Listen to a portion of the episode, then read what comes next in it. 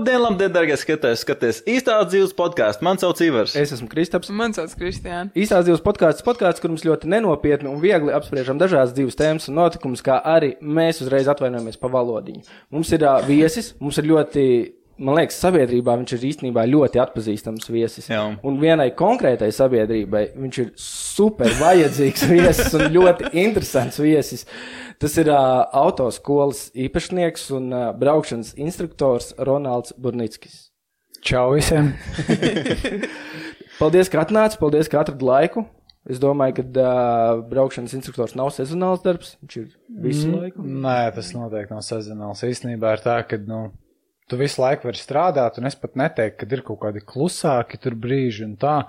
Man liekas, ka. Uh, Nu, varbūt tiem, kam pieņemsim, kas man būtu sliktāk tur strādā un, teiksim, slinkāk, tad uh, varētu būt tā, ka, jā, ka ir kaut kas Nav tā, ka momenti, ziemā bet... grib mazāk braukt cilvēki, jo baidās vairāk. Zin kā par ziemu, man liekas, ir tā, ka uh, ir kaut kāda liela daļa, kas tieši uz to ziemu arī nāk, mm. nu, kas grib tā kā apgūt pilnvērtīgi visas tās lietas, jo, nu, es godīgi sekot, vat, es visu laiku esmu domājis par to, ka es gribētu uztaisīt eksperimentu, Vot, kā ziemā pa sniegu pirmo reizi brauc tas, kas ir nolicis tiesības vasarā. Ah. Es vēl nevienu, man vienkārši nav sanācis laiks, lai īstenot šo Tas visu pasākumu, tas būtu interesants video, es domāju. Jā. Bet tādas slidenas apstākļus tiešām sagaidīt. Tad, tad, kad es liku tiesības, tad uh, bija kaut kā cilvēki runāja, ka tieši ziemā ir vieglāk nolikt tiesības, jo ceļu marķējums nevar tik labi Jā, redzēt, jā, un tad tu jā. vienkārši brauc pa sliedēm, kas jau ir iebraukts, un tā kā nepareizi neaizbrauks.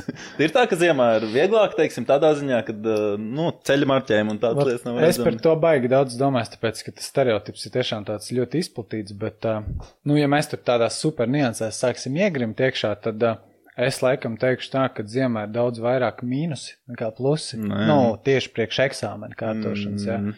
Jo pieņemsim, nu, tāds spilgtākais, man liekas, piemērs. Ot, visi gan jau ir dzirdējuši to, ka ir svarīgi izmantot iespējas, prast viņas izmantot, un tad iedomājies to brīdi, pieņemsim, kad, nu, tu esi vairāk pieredzis pie tāda normāla sausa asfalta, un tev eksāmena dienā uzsniegs sniedziņš, mm Mhm. -hmm. un uh, tu neesi pat varbūt līdz galam sapratis, kas tas ir, un tad tu piebrauc pie dodiet ceļu, skaties, jā, man šitā iespēja, tu esi paspējuši. Un Tu sāc braukt, un to rīteņu sāc Jā. spēlēt, to priekšu izslīd ārā, un viss. Jā, jā, un un- ja cilvēks nezina, ko tas nozīmē, jā. tikai Mm. Rokas berzā viss tā ir, tā ir, jā. Tā kā, nu, tiešām koks ir, tās līnijas, es teiktu, tas ir mazākais. Nu jā, nav, nu jā. tas nav tas, kas beigas, tad ir vieglāk. Labi, Ronalds, īsāk sakot, man ir pilnīgi traka teorija, ka, par ko es tiešām pastāvu, ka, manuprāt, tiesībām, tiesības vajadzētu pārlikt. Visiem. ka vajadzētu būt noilgumam. Jā, visiem. Es pastāstīšu, kāpēc. Tas šito es sapratu tajā brīdī, un vēl nesen tikko, kad uh, Džeks Mūksals aplī Zolīdā vecumā aizbrauc pretējā virzienā un uztaisīja frontālo sadursmi. Viņš, Ko? bi- jā, viņš bija ļoti, ļoti vecs. Un viņš tiešām bija? nu, Es esmu palaidis tādu gadījumu. Goda garām. vārds bija. Un viņš sadu frontāli aizgāja. Mūksls aplīja. Viņš bija viņš tik vecs, no ka viņš vienkārši sadalījās. Nu, viņš tik daudz lūzumus dabūja, jo viņš ir vecs. Kad tur, tur bija nereāla avārija, un tur man tā, un tikko arī viens pa vanšu tiltu arī pretējā virzienā aizbrauc. Un, lai aizbrauktu uz vanšu tiltu pretējā virzienā, tur nav baigi daudz vietas, kur to var izdarīt. Un tāpēc man tā, nu, kam man ir taču jābūt kaut kādam dubultčekam vai pārbaudīt, vai tu vispār esi vēl adekvāts. Jā, zinu, kā ir. Es par to arī esmu padomājis, bišķīt, bet te jau ir divas galējības. Nu, tiešām divas galējības, un lielākā galējība ir tā, kas tagad ļoti daudz sākuši braukt bez tiesībām. Jā. jā. Jā, un tas gadījums, es domāju, visi atcerās, kad meitene, manuprāt, uz Elizabetes ielas apgriezās, tā kā sitī bija otrādi. Un cik es sapratu, viņai nebija tiesība. Ā, jā? Jā, un man tādas smagas aizdomas, ka uh, es neesmu to pārbaudījis, bet kad visas šīs te trakās lietas, neskaitot tavu stāstu, kad veido tie jaunieši, kas sāk braukt bez tām tiesībām. Jā. Un uh, man liekas, ka uh, kas man bija interesanti, kad kursants viens man pastāstīja, es pat nebūtu tālu aizdomājis, kad uh, kā saucās tas sharing city bija, ja, kad viņiem ir kaut kur nopludināti tie konti, kur tu pat uh, 17 gados tiec pie konta, pievieno vienkārši savu karti klāt, un tu vari braukt ar to Jā, mašīnu. un vienkārši- Mm. te jau ir interesanti. Jā, un tāpēc man liekas, ka šī pat ir tāda daudz tā kā sākumā bīstamāka tēma, tāpēc, ka, nu, ja tas cilvēks, nu, būsim reāli, lielākā daļa, es domāju, diez vai, nu, jaunietis tagad, o, es dabūju CTB kontu, atvēršu noteikumu grāmatiņu, ja kaut kā iedzīvēšos kaut kur. Nu, komand tā nebūs, jā. Un, Kad uh, vat, rodas visas tās trakās situācijas, ka viņi nepazīst nu, tādas vienvirziena ielas, kas, manuprāt, ir nu, basics. Mm, es nezinu, jā. tas ir nu, pats, pats, pats. Uh, Svarīgākais, nu, neskaitot tur luksfāru gaismas. Jau tas tā kā braukt ir vienkārši tā kā kaut kādā San Andreasā vai, visi, vai City, ja, ka tu vienkārši močīti. jā, bet par vecajiem cilvēkiem, nu, tas, ko tu ieminējies, es domāju, ka uh, pirmām kārtām jau ir tas, ka viņiem vajadzētu medicīniskās pārbaudas, manuprāt, iet daudz stingrāk, tāpēc, ka, uh, jā. es domāju, lielākā daļa nojauš, kā viņas tiek ietas, jā, aizgāja pie savas dzīves. Sasveicinājos, jā, un ar to arī viss beidzās. Pēc zīmodziņu un laizam. Jā, citreiz, neaizēju un pazvanu vienkārši. Bet vēl kas ir, teiksim, Piezvan. es zinu cilvēku, nu, reāli pazīstu, uh, kurš ir dabūjis tiesības 90, whatever, jebkad, viņam ir tiesības. Mm -hmm. Un tas, ka viņš nav 20 gadus vispār braucis, tas neko nenozīmē. Viņš tāpat tās var šodien iekāpt pie stūres, un braukt. Es to varu pastāstīt vēl skumjāku gadījumu. Nu, aiziet. uh, mana māte, nu, viņa dzīvo Vācijā kaut kādus gadus, nu, vairāk kā 20 jau tagad. Uh, viņa lika tiesības savos 18 gados, tagad viņai ir kaut kādi, nu, nu 57, kaut kas tāds, laikam, 57, 58. Viņa nemāk pat mašīnu iedarbināt. Mm -hmm. Bet tiesības, bet tiesības, bet tiesības, tiesības ir, jā. Un viņa kaut kādu laiku atpakaļ vēl brauc uz Latviju, lai tās tiesības nomainītu. Tā kā no, jā. šis būs pat vēl, teiksim, trakāks gadījums. Jā. Tur vienīgais tas, ka, protams, nu, es viņu pamācīju. Viņa ir daudz, tā, jā, bet, bet principā, ja viņi izdomātu Vācijā pati braukt, Es nezinu, ko viņi tur izdarīja. Oh, oh, oh, oh. Zin, kā, ja automātu, teiksim, labi, viņa varbūt viņa varētu viņu tā kā daudz maz kaut kā vadīt, mm. jā, Bet uh, noteikuma puse, un Vācija arī, man liekas, nu, pietiek sarežģīti visādi krustējumi, viss kaut kas tāds. Tur ir būts, jā, visi bāņi ar lielajiem ātrumiem, kur tev ir jāspēj tā kā mm-hmm. just situācija apkārt. Tā kā, nu, nu tas būtu vēl bēdīgāk. Tur, tur, tur, tur, jā, tur ir cilvēki kaut kādi. Uh, tas viņš saprot, ka viņš nav braucis desmit gadus, vai, vai viņš ir gatavs sēsties pie stūra, cik cilvēks, cilvēks katrs pats izsver, nu, cik viņš ir gatavs. Man diezgan ļoti bail braukt, un es tik ilgu laiku braucu. Reāls stāsts. Cilvēki brauc. Brauc, no 20 jā. gadiem, mm. kas tur ir? Dod pat apkām. Nē, Nē, cilvēki ir ļoti bezgā, bezbēlīgi. Tiešām pēc saviem kursantiem var pateikt to, ka man viena meitene arī tāda sieviete jau, kas uh, mācās braukt, viņa ar savu draudzeni, kas praktiski regulāri nebrauc vispār ar mašīnu. Un uh, viņas izdomāja paņemt citībiju. Un ar citību bija aizbraukt no centra līdz Baltazaram kaut kur tur uz kaut kādām savām vietām. Un tas cilvēks sanāk, kas tev sēž blakus, nu, ja viņš reti brauc, viņš nav baigi kompetents, jā, un viņi atkal tikai mācās tajā visā procesā, un tas viss notiek ar no, CTV mašīnām un tā tā kā. No, jā, CTV, man liekas, ir atvērsta tāda vispār iespēja cilvēkiem, kam tā kā nebija pirms tam iespēja braukt gan labā, gan sliktā ziņā, mm -hmm. tagad cilvēkiem ir iespēja braukt, jā. Tā tāda izklaida, man liekas, sāk mhm. palikt. Mm -hmm. Tev ir bijis kādreiz cilvēks, kuram tev šķiet šitam, nu, varbūt tev, nu, tomēr brauc ar autobusu tālāk. Nu, varbūt nevajag. Uh, droši vien, zin kā, pieņemsim, ir kaut kāda daļa, kurai ar manuālo ir pa grūtu. Viņa nav liela daļa, bet ir tāds procents. Vienkārši kā piemērs tā ātri stāstot, kaut kādu pusotru, divus gadus atpakaļ pie manīm atnāca sieviete diezgan zolīdā vecumā. Viņa atnāca no cita instruktora, pie kura viņa bija braukusi nodarbības 60. Un uh, mēs sākām ar viņu braukt, un, uh, nu, var redzēt, ka viņai pietrūkst iemaņas, ka viņa ne īsti vērtē to satiksmi un tā. Mēs divu nedēļu laikā dabūjām viņai samērā normālu progresu, un uh, pēc tam viņa saslima. Pie manis viņa parādījās pēc tam pēc kaut kur arī, nu, divām, divu pusnedēļām. Viņa atnāk pēc tam divu pusnedēļām, un mēs sākam no tās vietas, kur mēs bijām. Mm -hmm. Es nobraucu ar viņu to nodarbību, jo viņa bija viena no tām, kas man ir vispār uztaisījusi visbīstamāko situāciju, kad uh, es paprasīju pie pirmās iespējas apgriezties. Nu, pieņemsim, uz Mokslas ielas, domāju, visi zina, kur tās apgriešanās Jā. vietas. Mm -hmm. Un es viņai dodu komandu pie pirmās iespējas apgriezīsimies, un pēc tam krustējumā pa labi. Viņš to saprata kā tagad. Viņa man vienkārši sāk griezt apgriešanās vietā Bet, uh, nu, vienkārši vēl jau ir tas, ka tev tā jābūt kaut kādai izjūtai, ka tev tur pretīm nāk mašīnas. Jā. Un viņa man vienkārši griež pa labi pret mašīnām. Oh, tas ir tas variants, ka pretējs virziens aiziet. Jā, es maucu wow. pa bremzēm, mēs jau bijām šitā izgriezt, saku, visu palaid vairāk ātri, jo es ātri no savas puses slēdzu iekšā, griež to mašīnu otrādā. Tev ir bijis krašs kādreiz? Crash ir bijuši, bet lielākoties mums viņi ir, kad mums aizmugurē ieskan. Tā kā, nu, tur vainīgi ir tie, kas jā, jā, jā. neievēro distanci tā. Noteikti, jā. Bet pabeidzot to stāstu par to sievieti, kad, nu, varētu likties, ka viņai nebūtu lemts vispār likt tiesības. Jā. Un mēs to braukšanu nobraucām, un es viņai godīgi tā arī saku, ka es saku, nu, man ļoti žēl tas, ka mēs esam pazaudējuši visu to progresu, kas bija iegūts. Un uh, es saku, varbūt uh, ir vērts pamēģināt automātu.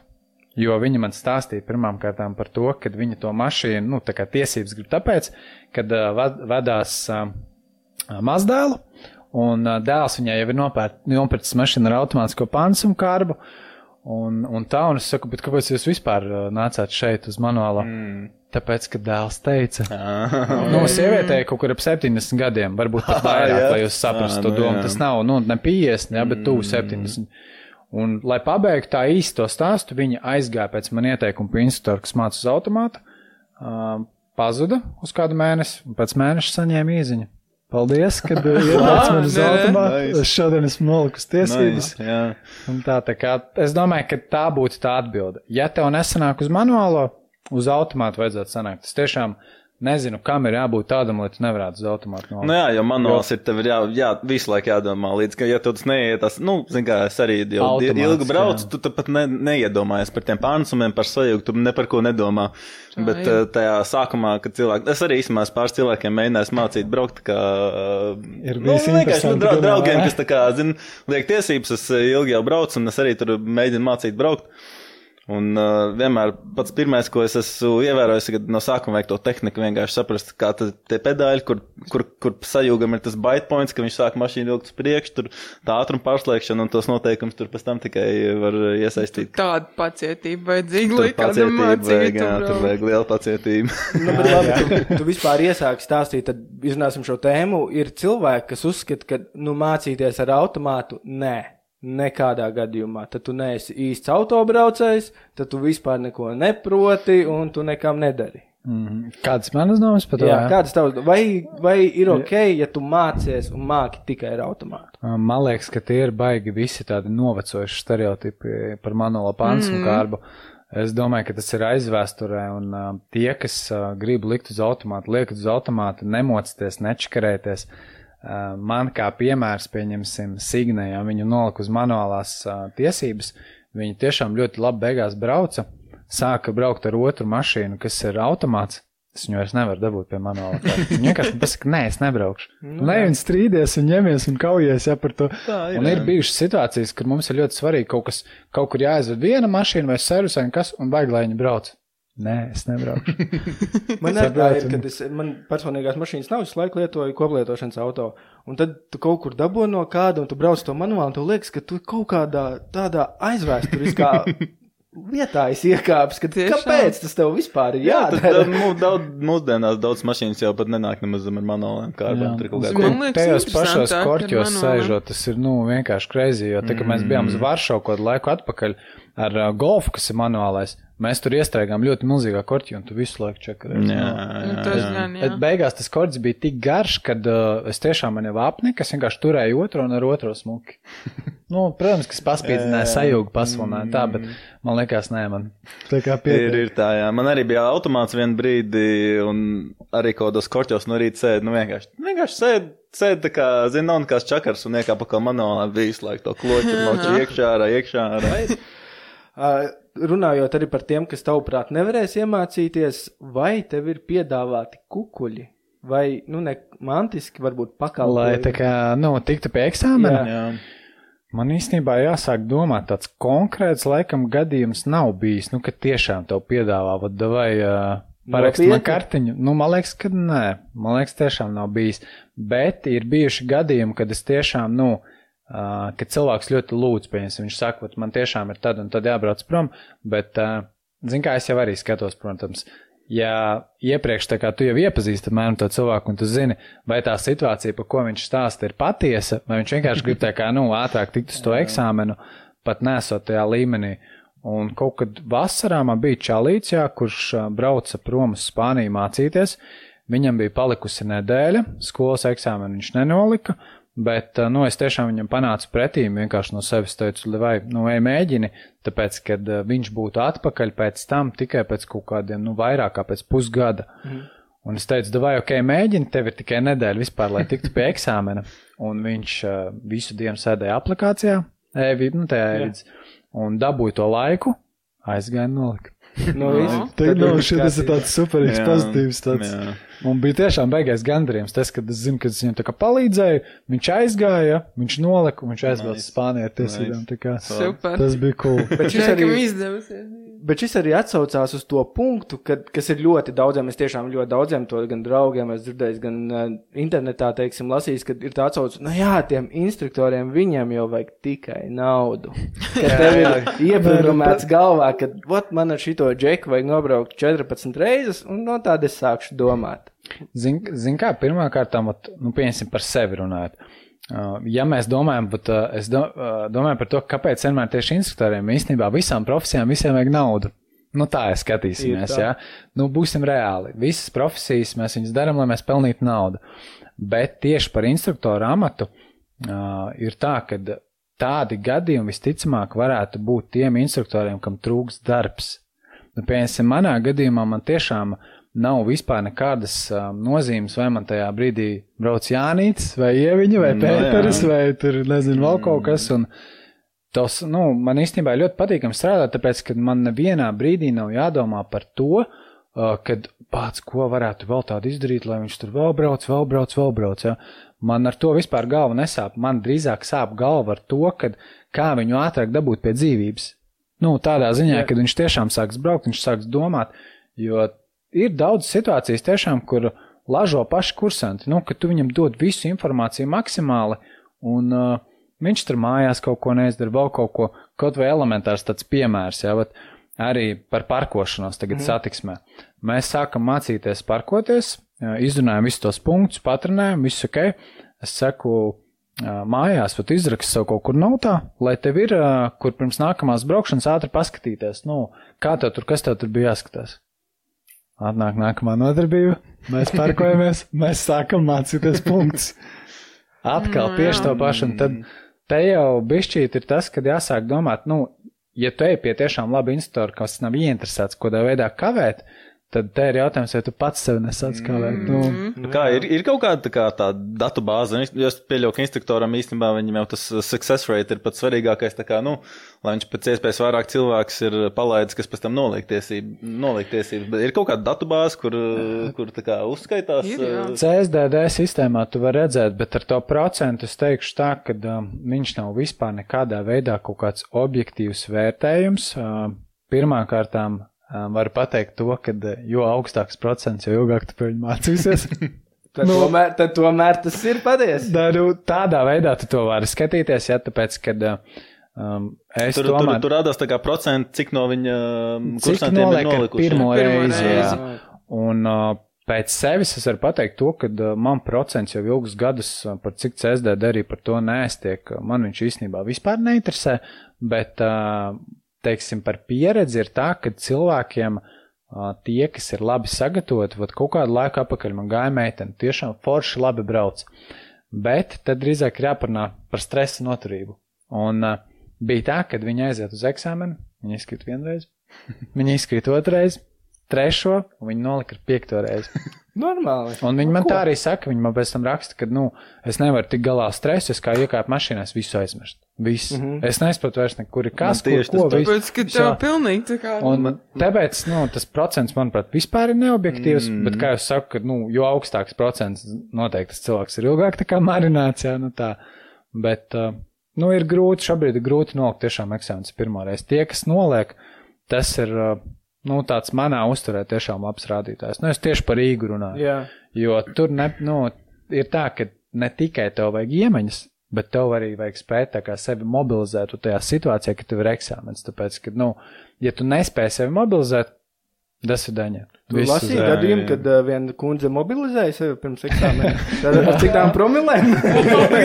Reāli, tur jau normāli, tur nebija pusītes, tur jau bija, man liekas, divas kaut kādas. Stresiņu noņem, stresiņu noņem. Man arī, man arī, teiksim, tā kā es liku B kategoriju, man arī bija es jau biju braucis ļoti ilgi, tā kā pirms tam, nu, ne, ne jau pa ielām, bet tā kā, nu, vienkārši tur bija braucis ar mašīnām, zināju jau to tehniku, visu jau, nu, jau no, no bērna kājas tur ap mašīnām ņēmos, un uh, kaut kā bija tā, ka bija jāliek tas CSDD eksāmens, man vienkārši kājas sajūgtā.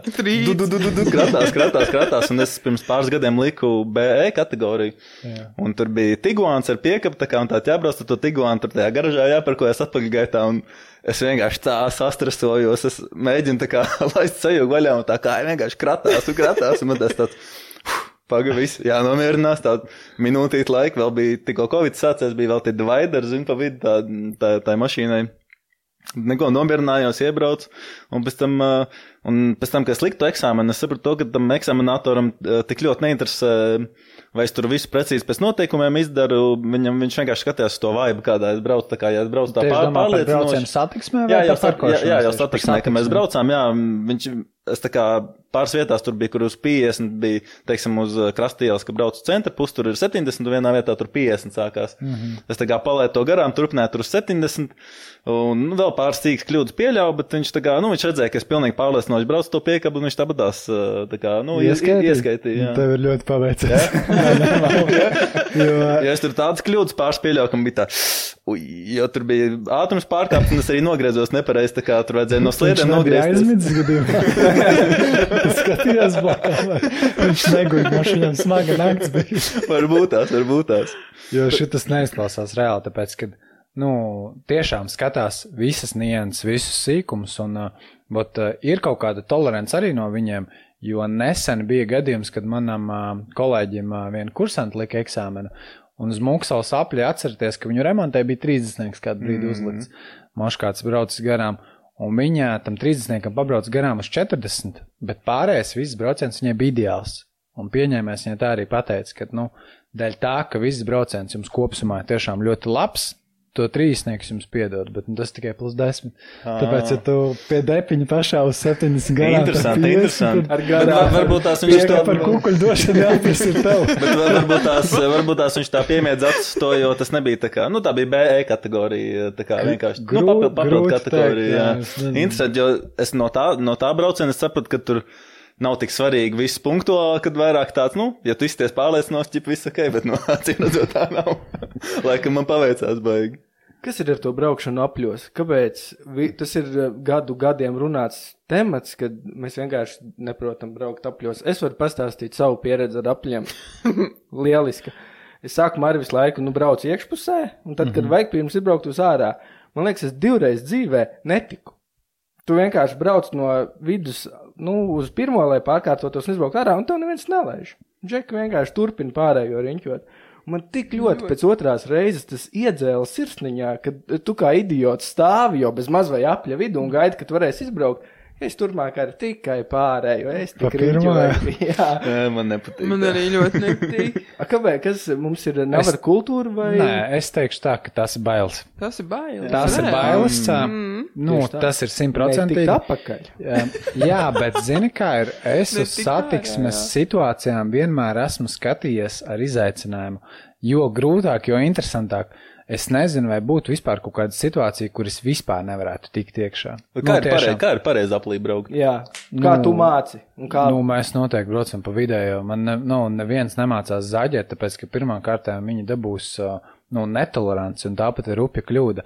Ja tev ir jāizbrauc Ja tu pārējo brauc? jā, ja tu pirmajās divās izbrauktu vai es izbraucu, tu vēl vari palikt pirmajā joslā, bet kā tev ir trešā, ceturtā, un ja vidējā ir bijusi brīva, tu pilnīgi reāli vari dabūt rupju kļūdu. Un, uh, nu, man pilnīgi visi tie, kas mēs ar sākumā pieņemsim, nu, ja viņš tur knapi klibo pa to ceļu, ok, tad pirmajā nodarbībā mēs pabraucam pa pirmo pazāģējumu, bet nākamajā viņš jau bišķīt ir drošāks, mēs ņemam vidējā. Tā kā mēs mācāmies un, nu, bez variantiem. Un tie, kas vienkārši to nedara, tas ir bailes, un uh, tas ir līdzīgi kā ar parkingu. Un es daudziem es teicu to, ka es īstenībā brīnos par vienu lietu. Nu, kad auto vadīšana tā ir tāda lieta, man liekas, kur būtu forši attīstīt visu laiku, nu, sev tā kā priekš sevis un sevi trenēt. Un es vienmēr esmu gājis uz tādām situācijām, ja man ir grūti, es tāpat mēģinu to izdarīt. Un tādā veidā augt tas tos līmenis. Bet problēma lielākajai daļai tā, ka visi sāk darīt tā, kā ir ērti un viegli, un negrib līst ārpus komforta zonas, un viņi neaug savā līmenī. Tas es pat vairāk runāju par tiem uzreiz, kam ir tiesības, ja viņi neturpinu vairs augt. Un cik daudziem, kad uh, nav bijis tā, ka kāds kaut kur brauc, ja, pie stūra ar tiesībām, un es sēžu blakām, un es kaut ko pakomentēju, nu, par, ne jau tur par ātrumu, ja, par tādām lietām, bet vairāk par tādām gudrākām lietām, kā tu vērtētu tās situācijas uz priekšu, un kas būtu gudrāk. Ē, bet man tā ir tiesības. kā ir tavai ģimenei un draugiem vispār? Tas ir kā, ka tu blakus sēdi, man liekas, es man būtu. Visiem man būtu, stress Man uzreiz. būtu tāds stress vienkārši. Tā kā, tā kā iet ciemos pie pavāra. Nē, tā kā pavāra aicināt ciemos. Ciemu. nu, droši vien, es nezinu, Signe ir teikusi to, ka viņai ir, nu, tā kā. Viņai nepatīk braukt, kas sēž blakām. Tad viņa brauc viena, tad viņai viss esot baigi labi. Es viņai saku, dod, uzliksim to kameru un paskatīsimies, kas tev ir baigi labi. Tas, ka tev tur gan jau kaut kur ir notērējuši vai pirkstus parādījuši. tā. nu, es nezinu, kā viņa tiešām viena pati brauc. Ja, un e, īstenībā arī, ko es neesmu realizējis, vēl viena no idejām, kad uh, es gribēju uztaisīt uh, video YouTube Mhm. par to, kā, piemēram, cilvēks tikko nolikt tiesības. Un pieņemsim viņa pirmais brauciens pa maršrutu, kur viņš brauc viens. Es pieņemsim, varbūt sekoju aiz viņa un skatos, kāds tas brauciens ir, kad viņš reāli brauc viens pa kaut kādu pilnīgi nepazīstamu maršrutu, kas nav CSDD standarts, ko mēs visi zinām no galvas. Ja? Un kāds ir tas līmenis tajā brīdī, kā tu reaģē? Un, nu, ka tiešām es viens pats. Un brauc un domā, un kā tu izbrauks, ko tu izmantos, ko neizmantos. tev iemet tā kā baseina dziļajā galā. Jā, tā kā ir visādas idejas tiešām par jauniem YouTube video, viņas jau ir ļoti sen un uh, tagad vienīgais iespējams, kad es pieļauju, ka pavērsies kaut kāda iespēja vairāk to visu sāk realizēt, tāpēc, kad uh, mēs pieņēmām darbinieci, nu pieņemsim tūlīt februāra vidū, un viņi man vairāk palīdzēs ar montāžām, ar visādām tur tiktok idejām, vēl visu kaut ko. Man atkritīs uh, nu, tāds samērā liels sloks, kas ir uz maniem pleciem, un nu, es varēšu vairāk tā kā tajā mm -hmm. kreatīvajā, nu, līdz tiekšā. Jo man tam baigi pietiek, jā, Kā tu, pietrūks laiks. kā, kā tu izdomā aizsākt tos uh, YouTube video? Baigi vienkārši īstenībā bija tā, ka uh, pirmkārt iepriekš es biju diezgan daudz mācījies par SEO. SEO tas ir tas, lai tava mājaslapā lec ārā atslēgas vārdos, jā, tur Google meklētājā. Un tad, kad es to mājaslapu biju izveidojis un jau samērā iekačājis, tad, uh, nu, pirmkārt, manuprāt, lai cilvēks nāktu pie tevis, viņš, protams, skatās tavas bildes, jā, mm -hmm. bet, manuprāt, tā konversija ir daudz labāka, ja viņš tev redz video, jā, viņš jau tevi kaut kādā veidā kā iepazīst, Jā. saprot, uh, kas tu pa fruktu un vai tev saskatās, vai ne? Un tikai tāpēc es sāku pirmos video filmēt, lai vienkārši tīri tas būtu kā tāds portfolio. Un Tā pēc tam jau ideja, tālāk jā. tas viss jā, tā kā aizgāja, bet tā pirmā ideja tiešām tas bija tikai dēļ portfolio, lai vienkārši tas, nu tā konversija ir labāka. Tev Mm. cilvēks ienāk mājaslapā, jā, tev ir jādomā, kā tu viņu tā kā pieķersi, jā. Un, Jā. Nu, man liekas, tā ir vislabākā lieta, jo viņš tevi tā kā plus mīnus redz, nu, kas tu esi, Mm. tevi iepazīst. Jā, Mums jo- daudz draugi lika tiesības. Pagājušajā gadā, aizpagājuši un pēdējos pāris gadus, un viņi vēl skatījās tavus Jā, video, kā, kā tu brauc tā kā pirms eksāmeniem tieši. Es arī Viņiem pats skatījos, man, man, es nelieku tiesības, arī pats skatījos. Vienkārši interesanti skatīties kaut kādas tās, zini, situācijas vienkārši. Un, Kas vispār veidojas, jā. Vienkārši interesanti skatīties, ir, jo es arī mēģināju CSDD eksāmenu nolikt, nu to teorētiski, es, es vairs nevaru nolikt viņu. Bet tas ir normāli, tāpēc, ka, zin kā, ir daudz lietas, nu, kuras tu ikdienā neizmanto, tu viņus aizmirsti. Mm. Piemēram, man kaut kādas tur nianses, kuras uh, vispār nav saistītas ar ikdienu, man viņas arī izkrīt no galvas. Man ik pa laikam ir, nu, jāatkārto tā visa lieta.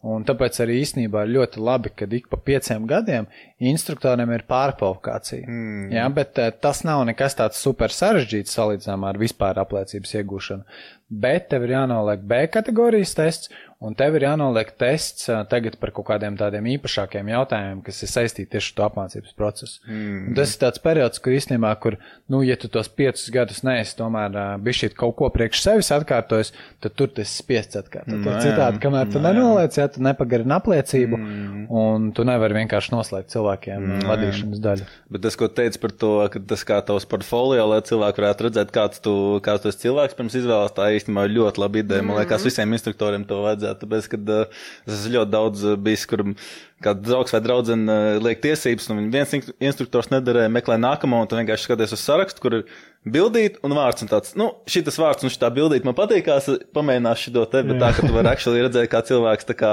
brauc, tas liekas, uh, ļoti labi idejas. Tik mēs likām tiesības nebija pat bildīt, vienkārši tu kaut kur kaut kāds telefona numurs Mm. dabūji, tev iedeva un tu liki, un mēs jau kaut desmit, desmit gadu mums kaut kāds tiesības Jā. laikam. Bet, nu, īstenībā es gribu iestiprināt tiem, kas, nu, klausās un skatās, kad, uh, nu, nevajag baidīties mainīt instruktors. Nesaprotu, kāpēc cilvēkiem ir bailes mainīt instruktors. Tu taču neaizēji pie friziera, ja tev slikti apgriež matus, un tu ej pie viņa atkal, lai dabūtu to pašu frizūru.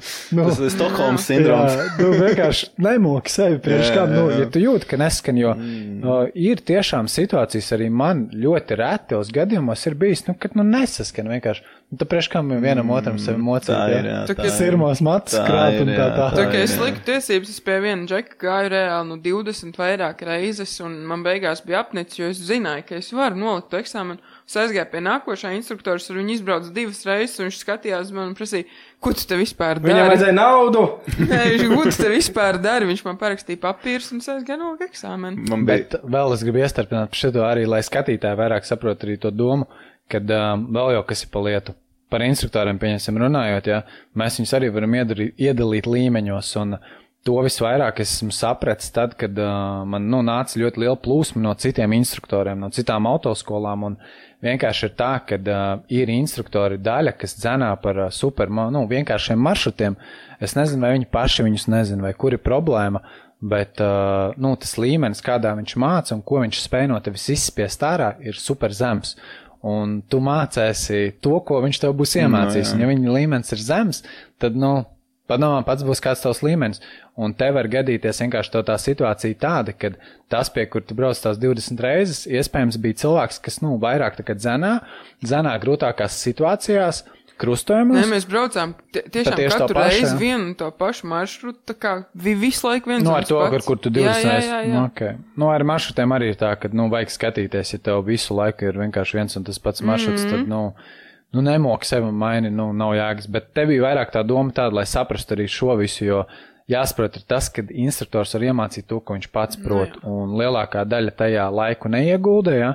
un uh, jauni instruktori, kas vispār sāk strādāt šajā nišā, es domāju, ka pirmām kārtām, nu, jauns instruktors ir labi tas, kad viņam ir savā ziņā, nu, tā tā deksme, ja, kas pietrūks, ka tu, nu, ar laiku jau tā kā varbūt kaut kādā ziņā izdedz, bet uh, viņam nav, uh, nu, viss tā situācija iz, izjušana, jā, viņš nezina tos maršrutus, viņš nezina krustojums, viņš nezina, kā to visu sakombinēt, tāpēc, kad baigā māksla jau patiesībā ir tajā situācijā, un, kad tu māci cilvēku braukt, tik līdz kā ir labs uh, līmenis viņam, tu sāc spēlēties ar tām situācijām, tāpēc, kad es, teiksim, nu, jau automātiski jūtu, redzu, dzirdu, ja, tad, kad es braucu, pieņemsim, lai uh, maksimāli labāk aklo zonu, pieņemsim, labajā pusē redzētu. Un vienmēr loks ir tāda maza šķirbiņa vaļā, jo es dzirdu mašīnu, pieņemsim, pat, ja, saproti, pat, ja es kaut kādā brīdī nepaspēšu, nu, tas rāviens būs tik ātrs, jo reizēm tā, ka viņš vienkārši rauj tas kursants, mm. viņam kaut kas sajūts, viņš rauj.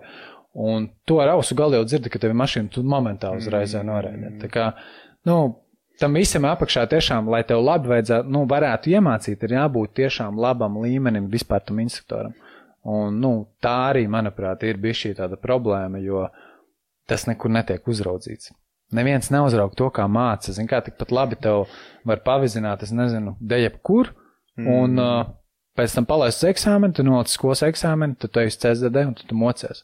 Jo man ļoti daudz sanāk strādāt ar cilvēkiem, kas nevar nolikt 5, 6 reizes eksāmenu, un tad man atnāk, pieņemsim, arī nesen atnāk cilvēks, 5 reizes izkrits, un par ko bija tas tāds, kas arī bija diezgan noškāts. Nu, katrā ziņā viņš nebija bijis diezgan standarta vietās, kur eksāmenos dzenā, tas nebija, un man liekas par parkošanos vai tik nebija tā, ka viņu bija instruktors vienreiz atļaus noparkoties pa visu viņu apmācības laiku.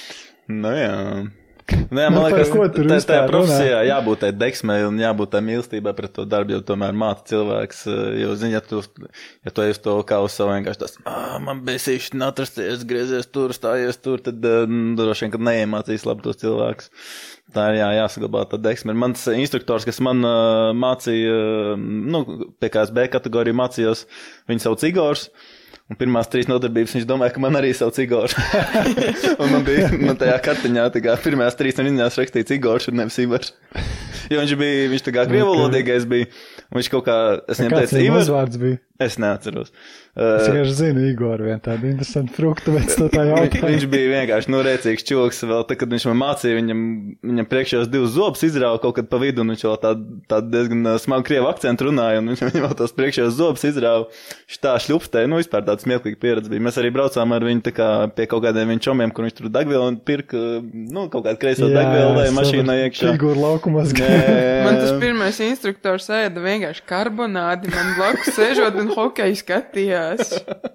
Mēs braucam 20 reizes, un viņš bija pasaules čempionāta vidus, tā man vēl daudz jābrauc. Kā tu vispār vērtē braukšanas kultūru?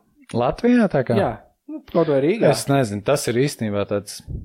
Man gribētos, zin, kā es tādā ziņā biju šī naivs, man liekas, es man gribētos īstenībā, lai mēs visi braucam labāk, tiešām, lai mēs braucam drošāk, lai mēs braucam Apzinīgi. tolerantāk, jo, nu, ir ļoti daudz netolerantas situācijas, un, nu, es īstenībā mīlu tiešām pačkarēt tos, kas, eh, nu, kaut kādā brīdī mēs braucam, un es redzu, viņš speciāli apzināti dara to, lai vienkārši mēs netiekam ārā, lai arī viņš bija šeit palaist vai gāzīt vai pamainīt joslu, mēs reiz tiekam, un, nu, pietrūks ļoti cilvēkiem, to, nu, tolerants točna pietrūkst, un līmenis braukšanas ziņā savā ziņā, nu, lielai daļai arī viņš ir tiešām zems, un tāpēc, manuprāt, nav vispār jābrīnās par to, ka sadursmes profils ir pilns, nu, ar krešiem, tāpēc, ka, nu, man patika īstenībā, kā vienā ā, seminārā CSDD viena no vadībām teica to, ka ar pašnovērtējumu kursantiem viss ir kārtībā.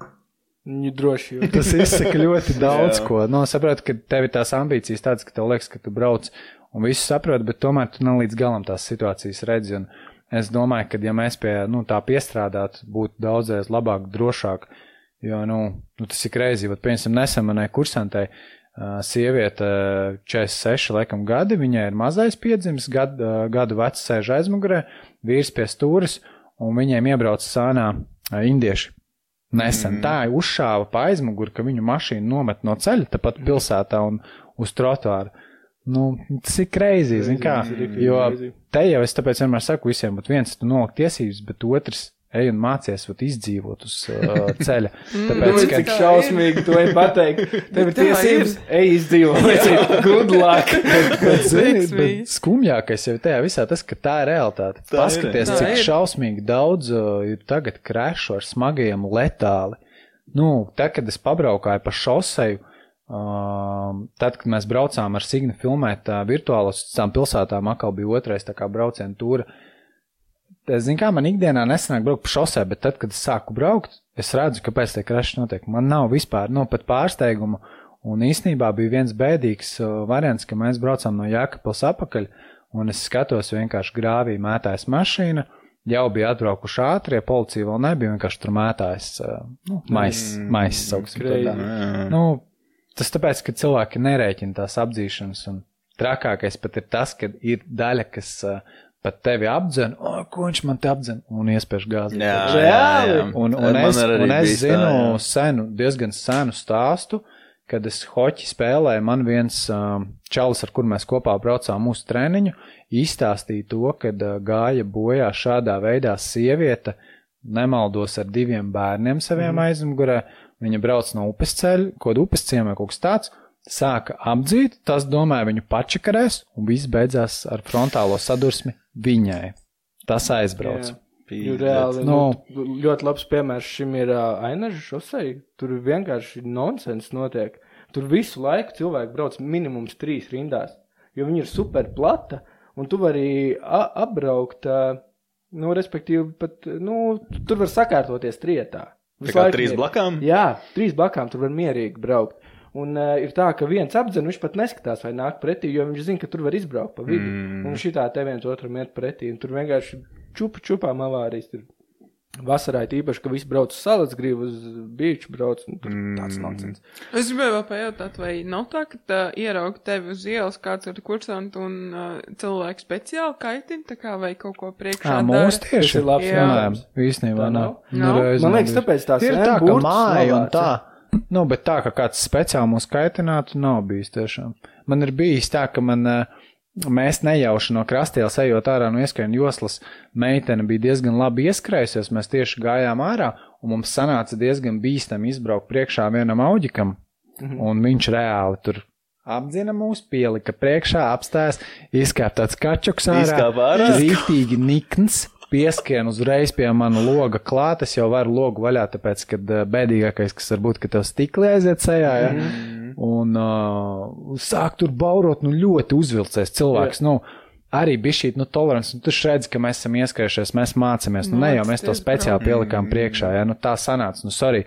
Un es viņam to mēģinu skaidrot, tajā brīdī viņš vā, vā, vā, vā, un vienā brīdī, labi, ka viņš man ar dēlnu tā kā uzšāva, bet pa galvu tā bam.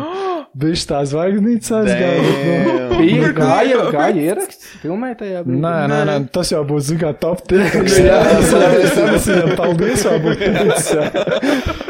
Bet nē, nē, Damn, nebija. jā, tā kā, nu, šādi ir šī gadījumi ir bijuši, bet agresīvie tā, ka cilvēki. mūsu čakarētu speciāli nē, jo tad es noteikti pārņemtu vadību un tad čakarētu Mm. to, kas mūsu čakarē, visticamāk. Jā, bet ir, ir kaut kā tā cilvēki, man liekas, dažreiz brauc pie stūra tik uzvilkušies, tā kā, zini, Mums ir ļoti agresīvi. Es Jā. tiešām piekrītu, ka ir šausmīgi agresīvi. Tur faki lido, spļauj viens otram. visu, un Tāds nonsens notiek uz ceļiem. Kā tev patīk? Bet, zin kā, man liekas, nu, par to tieši tēmu runāt. Mēs ļoti daudz ar kursantiem par to visu laiku runājam, un uh, man liekas, ka problēma ir, zin kā, tajā, ka uh, ir ļoti daudz visādas lietas sakrājušās cilvēkiem. Nu, jo es jūtu to, ka uh, satiksme, sākot ar visiem covidiem, tagad karš, jā, pēc kara visas degvielas cenas, rēķinu cenas, tas sabiedrība ir uzvilcis ļoti. Mm, un to ļoti var just uz, uh, nu, uz uh, Nē. satiksmē, jā. Un paliek trakāk īstenībā, jo es nekad iepriekš nebiju redzējis, kad Latvijā izlec ārā no mašīnas uh, bija situācija, mēs nesam braucām pa skačku pie sarkanā apstājamies, es jau redzēju, kaut kas, ne, nu, kaut ko nevarēja sadīt ar velosipēdistu. Un tas velosipēdists pēc tam sadzen to mašīnu, jo dega sarkanais, skrien pie tās mašīnas, tīčotām ļau un sāk ārā tur kāpt kaut ko. Viņi sāka mahāties, nu, netrāpīja viens otram, bet, nu, jau bija viss jau šis te. Un tās situācijas, man liekas, no agrāk tas bija super retums. Ja? Mm. Nu, tas mans stāsts, kas man bija, ja? bet ļoti reti, kad kaut ko tādu var redzēt. Tagad es diezgan bieži redzu, ka cilvēki savā starpā pilnīgi nu, tādi uzvilkušies. Un, interesanti, jā, un es domāju, ka tas ir daļa šī visa, kad, nu, zin kā, Varētu būt, ka visi ir, nu, mēs esam noguruši no visu tā. Covid sākot Jā, to jā, tur čakarē biznesu, visu pārējo, jā. Pēc tam vēl karš, kurš vispār, nu, vienkārši kāpēc. Jā, satiksme- visas cenas. un Tas viss, tāds jā. interesants koncepts, ka tā satiksme savā veidā atspoguļo to sabiedrības, Sabiedrības, sabiedrības jā. to, to sajūtu. Jā, tas ir interesanti. Kā tev patīk brīvdienas satiksme? Man ļoti patīk. Brīvdienas Jā. atzīst, es Svētdien kaifoju braukt pa ceļiem, kad viņi ir brīvi. Brīvi, vai ne? Nē, nē, nē, es domāju citādāk. Respektīvi, darba dienās tante zina, ka viņai kā nokļūt uz darbu, kā nokļūt uz veikalu, kā nokļūt uz skolu pēc bērniem un kā nokļūt mājās. Viņš šos visus piecus punktus prot izbraukāt. Bet tad, kad e, to ceļu viņi ir iegaumējis no galvas, viņi zina, kā plus tā, tā satiksme konkrēti tajā. Tad, kad tev ir brīvdienā jāizbrauc uz e, kādu mežu pastaigāt vai uz parku, tad tu vienkārši nezini, kā braukt konkrēti tajā posmā. Tu kā neorientējies. Jā, visu, un viņi beidz orientēties, un tu brauc, un tur tāda tante skatās putnus, vēro, meklē, kur griezties, un tāds nonsens notiek. Bet tas ir manuprāt. Nē, nē bišķī tā ir, bet, zin kā, es tiešām tādas, nu, teiksim, ja man gadās tādi vadītāji priekšā, es viņus vienkārši uzturu uz pa konusiem, un es ā, neapvainojos viņiem, es vienkārši viņus apdzenu, tur, kur to var, un es ā, netērēju savas emocijas, tāpēc, kad būs cilvēki, kas brauks nedroši, kas brauks nepārliecinot, un uzvilkties ā, dēļ tā, man liekas, ir bezjēdzīgi, jo tu vienkārši bojā savu garstāvokli. Nu, lielākoties Jā. tā ir. Nu, es domāju, ka vienkārši tas, kas, ā, nu, tā prot, ā, man liekas, labi braukt, viņš vienkārši viņu apbrauks, viņš atradīs momentu, viņš aizies garām. Un, viss. un es, nu, man ir ļoti reti, ka tiešām es uzvalkos, nezinu, kam ir jānotiek man priekšā, lai tiešām, nu, man liktos, ka, nu, ir pa daudz. Jā, es gribēju Jā, nu- jautāt, tev kā Jā. pasniedzējiem nešauj bieži. Kas Droši, drošinātājs nesit. Savējie drošinātāji, tā kā. Jā, ka tev vai nu kaut ko viņš šausmīgi čakarēs, tas audzēknis. Tu domā, ā, par kursantu tieši vai Jā, jā, attiecībā? ka tu brauc un tu tā, nu, saņemies, taču, kad tu dari. Zin kā, varbūt uh, ir kaut kad bijušas, nu, tie ir tiešām reti gadījumi, bet tad, kad ir kaut kas tāds, nu, Uber pa daudz, nu, pieņemsim piemērs viens, jā. Uh, kāpēc man nepatīk, ja nāk uh, aizmugurē un sēž draugi? Jā, ir, Balējās. Man viens uh, tāds gadījums bija, viņš beidzās bēdīgi. Pateicu, piestāj te pieturiņā. Nē, nē, nē, tur Ārā. bija, tur bija tā, vienkārši meitene viena brauc pie stūra, tas ir pasens stāsts, un viņai draudzene aizmugurē, un es jau saprotu, katru kursantu savu zinu viņu, kā viņš brauc, kā viņš uzvedās ceļā, un es jūtu to, kad viņi sāk tajā reizē sāk braukt, nu, pārdroši. Nu, jā, Grib parādīt savus iemaņas savai draudzenei, jā. Un ar ko tas beidzās? Ar to, ka viņa uz loka pēkšņi, es neatceros, kā tur bija, bet viņa sup. Laikam mēs braucām pa video, jūs smuksals apļa, un viņa pēkšņi rāva laikam uz trešo, vai arī no pir... Ā, nē, viņa rāva no pirmās uz vidējo, vienkārši super strauji. Tas ir vienkārši šitā, jā, tas mm -hmm. nav tu normāli griez. Dēļ tā tā mašīna, kas brauca mums pa vidējo, viņa rāva izvairoties no mums uz trešās, un tas, kas gāja trešajā, vienkārši ar savu bumperu aizgāja pret to betonu malu. Nu, ne tā, ka super traki, bet, nu, saskrāpē un tā un ar to beidzās izrādīšanās. Un tā, un jā, jā. skumjākais, zin, kas tajā visā bija, tas, ka tā meitene pēc tam vēl sāk smieties, nu, tā kā ierēkt par to situāciju. Un tad man likās tāds, nu, jā, jā. nu tā kā bišķī, tu tā kā saproti, par ko tu tikko izdarīji, tas tev nav, nu, es nezinu, tur kartingi vai tie, kur ir tās uh, karuseļos tie bumper autiņi, ja, nu, kam nu, bišķī, taču esi ar galvu domājuši. Jā, jā, tā kā, nu, bet kaut kādi tādi momenti, nu, kas ir, nu, tiešām too much. Un vienreiz bija kaut kāda meitene, arī pasena mēs braucām, un viņa man tāda, nu, vairākas reizes, bet priekš kam man taču to, man taču to, es tā tā dzīve, ai, es taču mājās tā nebraukšu, ai, es taču tā, nu, ka vairākas reizes un ar tādu nevis, nu, tā kā humoru, bet tiešām ar tādu bišķītu uzdirsieniņu, ja. Yeah. Un tad es viņai pat, nu, es neatceros, kā es pateicu, bet tā diezgan toleranti pateicu, un tā bija mūsu pēdējā braukšana, jo, nu, priekš kam, nu, vispār es nesaprotu to domu, ja tu nāc mācīties braukt, nu, piemēram, pie manis, ja tu nāc mācīties braukt, nezinu, kā pie citiem, jā, bet pie manis ir tā, mans mērķis ir ātrāk tevi dabūt līdz galam. To visu, ko es tev saku un stāstu, klausies to un pieraksti, tāpēc, ka, ja tu to tā darīsi, tu tiksi simts reizes ātrāk līdz rezultātam. Ja tu sāksi tur besīties, kāpēc man šitā, kāpēc man tā, nu, tu vienkārši izstiep savu apmācības procesu, vai arī tu vienkārši uh, palielinās savu CSDD eksāmenu skaitu, ja? Mm -hmm. Tāpēc, kad es gribu tev parādīt visas tās nianses un iemācīt, tāpēc, ka tev to prasīs. Pēc tam, kā tu brauksi tālāk, nu, tā jau ir tava brīva daļa, nu. Tu vari darīt, ko tu gribi ceļa. Vienkārši te mums ir tā sadarbība, Vienkārši mans mērķis ir, lai tu ātrāk tiec līdz galam. Nu, jā, bet tam, arī labi. Tam, tam cilvēkam galvā jā. droši vien bija kaut kāds koncepts, ko, kas viņam jāiemācās, ir, un viņš nesaprot, kāpēc tu viņam kaut ko mēģini iestāstīt, bet viņš nesaprot, ka tas ir tas, kas tev jāzina. Actually. Labi, Ronald, mums ir tiešām maz laika. Man ir jā. ļoti svarīgs pēdējais jautājums, par ko es esmu daudz diskutējis ar citiem, kad ir cilvēki, kas uzskata, ka, klausies, vai es Rīgā tiesības nelikšu, te ir visādi tramvaji, luksafori, es aizbraukšu uz Zilupi kur ir viena iela, un es tur nolikšu tiesības un braukšu uz Rīgu un braukāšos. Kas, kas, Ko es par to domāju? Jā, kas tas ir? Tam vajadzētu nu, būt atļautam. Man liekas, ka vajadzētu katram vismaz divām, trīs braukšanām būt Rīgā.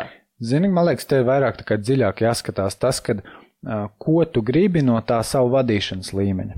Nu, es teiksim vairāk ar to sāku, tāpēc, kad es jau iepriekš minēju to, ka nu, tev jau tās iemaņas reāli būs vajadzīgas, ja tu pēc tam tālāk brauks par Rīgu, nu, tev vajag tās problēmas, ka tu nošķils autiņu vēl kaut ko, jo tu nesapratīsi, tu nespēsi vērtēt to situāciju līdz galam, un tas ir tikai normāli, ka tu nespēsi, jo nevar mācoties braukt talsos, Arī, starp citu, viens no video, kuru vajadzētu uzfilmēt, arī man ir sarakstā ļoti garš, jā, kad kā par Rīgu pirmo reizi brauc tas, kas ir tikko yes. notiesības talsos. Jā. Yes, es domāju, mēs visi to gribētu redzēt. Es nezinu, vai es atradīšu kādu tādu drosmīgu. tas ir ideāli. Tas būtu lielisks. Jā, jā bet te vairāk tiešām ir tas, ko tu gribi no tās savām prasmēm un vienkārši es saprotu, ka visi grib ātrāk, visi grib lētāk un tā tālāk. Bet uh, man liekas, ka cilvēki beigas aizmirst par vienu svarīgu lietu, kad uh, nu, tu to mācies tikai vienreiz dzīvē. Tu pēc tam, ja tev būs labi, stipri pamati, nu, un tu pats attīstīsi, tavs braukšanas līmenis beigās būs ļoti labs, ja tas būs foršs rezultāts, un iespējams, ka tu pēc tam nepazaudēsi naudu uz apdrošināšanām, mašīnu labošanas un tā tālāk, ja, jo piemērs, vat, uh, kas bija nesen šajā vasarā, mēs braucām filmēt tur ar vienu youtuberi, video, un tas viss beidzās ar to, ka viņš griezās pa labi ar manu mašīnu. Yeah. Nepamanīja velosipēdistu. Īsumā stāstot, viņam tas izmaksāja 800 eiro, tāpēc, ka viņš dabūja maksāt kompensāciju, tur ričuku pirkt, un uh, sanāk man uh, samaksāt par pašisku 200 kaut kādus 85 eiro no tās summas. Uh, savukārt man kā mašīnas īpašniekam tas izmaksāja ar to, ka, ja man pirmā kasko uz to mašīnu pirmajā gadā maksāja kaut kādi 1000 eiro, tad otrā kasko man maksā kaut 1270. Nu, es pazaudēju jau 270 eiro uz uh, viņa tā kā līmeņa, jo viņš nepaskatījās labajā spogulī, kad tu vēl spēc. Mm. Nu, zin kā, to vajag, tā ir lieta, kurai tev ir jābūt kā asinīs. Tev ir jāprot, pirms tu veic labo, vienalga ir tur tā velo josliņa vai nav, jā, bet paskatīties un pārliecināties. Jā, tas Jo vienkārši nav. tas velo Tu joslas, tas ietaupīji naudu uz braukšanām, bet rekur, pa cik pa 800 eiro, cik braukšanas sanāk? Nemaz nereiz. Man bija septiņi, man bija septiņi lati viena braukšana. Jā, man arī. Nu, jā, bet nu tālūk, tā kā tās vienkārši tāds. Man uh, jautājums, uh, kāds braucējs tu esi ikdienā, tā ka tu nemāc nevienu, vai esi tāds dinamisks braucējs, vai tu vienkārši iekļaujies satiksmē? Mm, Man patīk dažādi braukt, bet uh, īstenībā vispareizākā atbilde ir tā, ka es noteikti braucu dinamiski, bet es braucu saprāta robežās, lai nepaliktu bez tiesībām. Mm. Es zinu, kurš ir tās robežas, ka tu vari palikt bez viņām, jo paliekot bez tiesībām, jā, tad es varu tagad, nu, tagad es varu vadīt autoskolu, jā, un tā, bet nu, tas man diezgan traki iemaisīs. Man Tā kā- tā ir aktuāla tēma. Man ir astoņi sodu punkti, un uh, man jāiet droši braukšanas skolā. Nopietni? Jā. Ar- Paldies, Labāk, ka labāk klausījāties. aizēj nodzēs, jo tu divus, man liekas, varēs nodzēst, es Jā, nemaldos, vai ne? Tā kā, jo tu esi baigi tuvu, tā kā. Kukīs dabūja par agresīvu, brau, par agresīvu braukšanu, viņa de, depo Dra- stāvietā Berģos. Mēs tā kā, nu, ar, mēs tā kā ar bembiem braukājām parasti, un, nu, ziemā parasti tur ar žurkām, ja patīk paši, nu, padriftot ar kaut ko, un Kristāna arī mācījās, viņa tur stāvētā mācīja driftot, viņa tā, ok, tā pamēģinās vienu pat, viņa reāli izbrauc divus apļus, menti iebrauc uzreiz stāvētā. Viņa stāvēja, gaidīja Bet par šo īstenībā man ir žēl, ka nu, mums nā, baigi trūkst vietas, kur jauniešiem Jā, to pamācīties. Nu, pat ne jauniešiem, vienkārši cilvēkiem, Jā. jo tagad ir kaut kādi driftporti tur atvēršies un tā, bet tās tāpat ir vietas, kur tu vari diezgan normāli sasist tautiņu. Vajadzētu Mm. būt tiešām tādu kaut kādu teritoriju, kur tas būtu droši, un tas būtu krūti, man liekas. sasist tautiņu, tas nebūtu trakākais, vienkārši, lai tu neesi satiksmē un lai tev, Jā. zin, nav, nav jāuztraucās par kaut kādām lietām, jā, jo tas tāds, man liekas, Labi, mums ir reāli jābeidz. Mēs jau ejam ārpus visiem limitiem. Mēs pēc tam parunāsim vēl. Tev piedod, šodien ātri mājās nebūs. Bet uh, paldies visiem, kas klausījās. Paldies visiem, kas skatījās. Paldies, uh, Ronald, ka atradi laiku un Jā, atnāci. liels Tas paldies, ļoti uzaicinājāt. Jā. ļoti interesanti. Tad uh, kā tev var atrast? Kā mani var atrast? Jā. Es domāju, ka visi zina. Gan Instagramā, gan YouTube, gan TikTokā. Jā. Ronalds Es domāju, ta, tas nav grūti. Jā. Un tad jau, tad jau tiekamies ielās. ielām.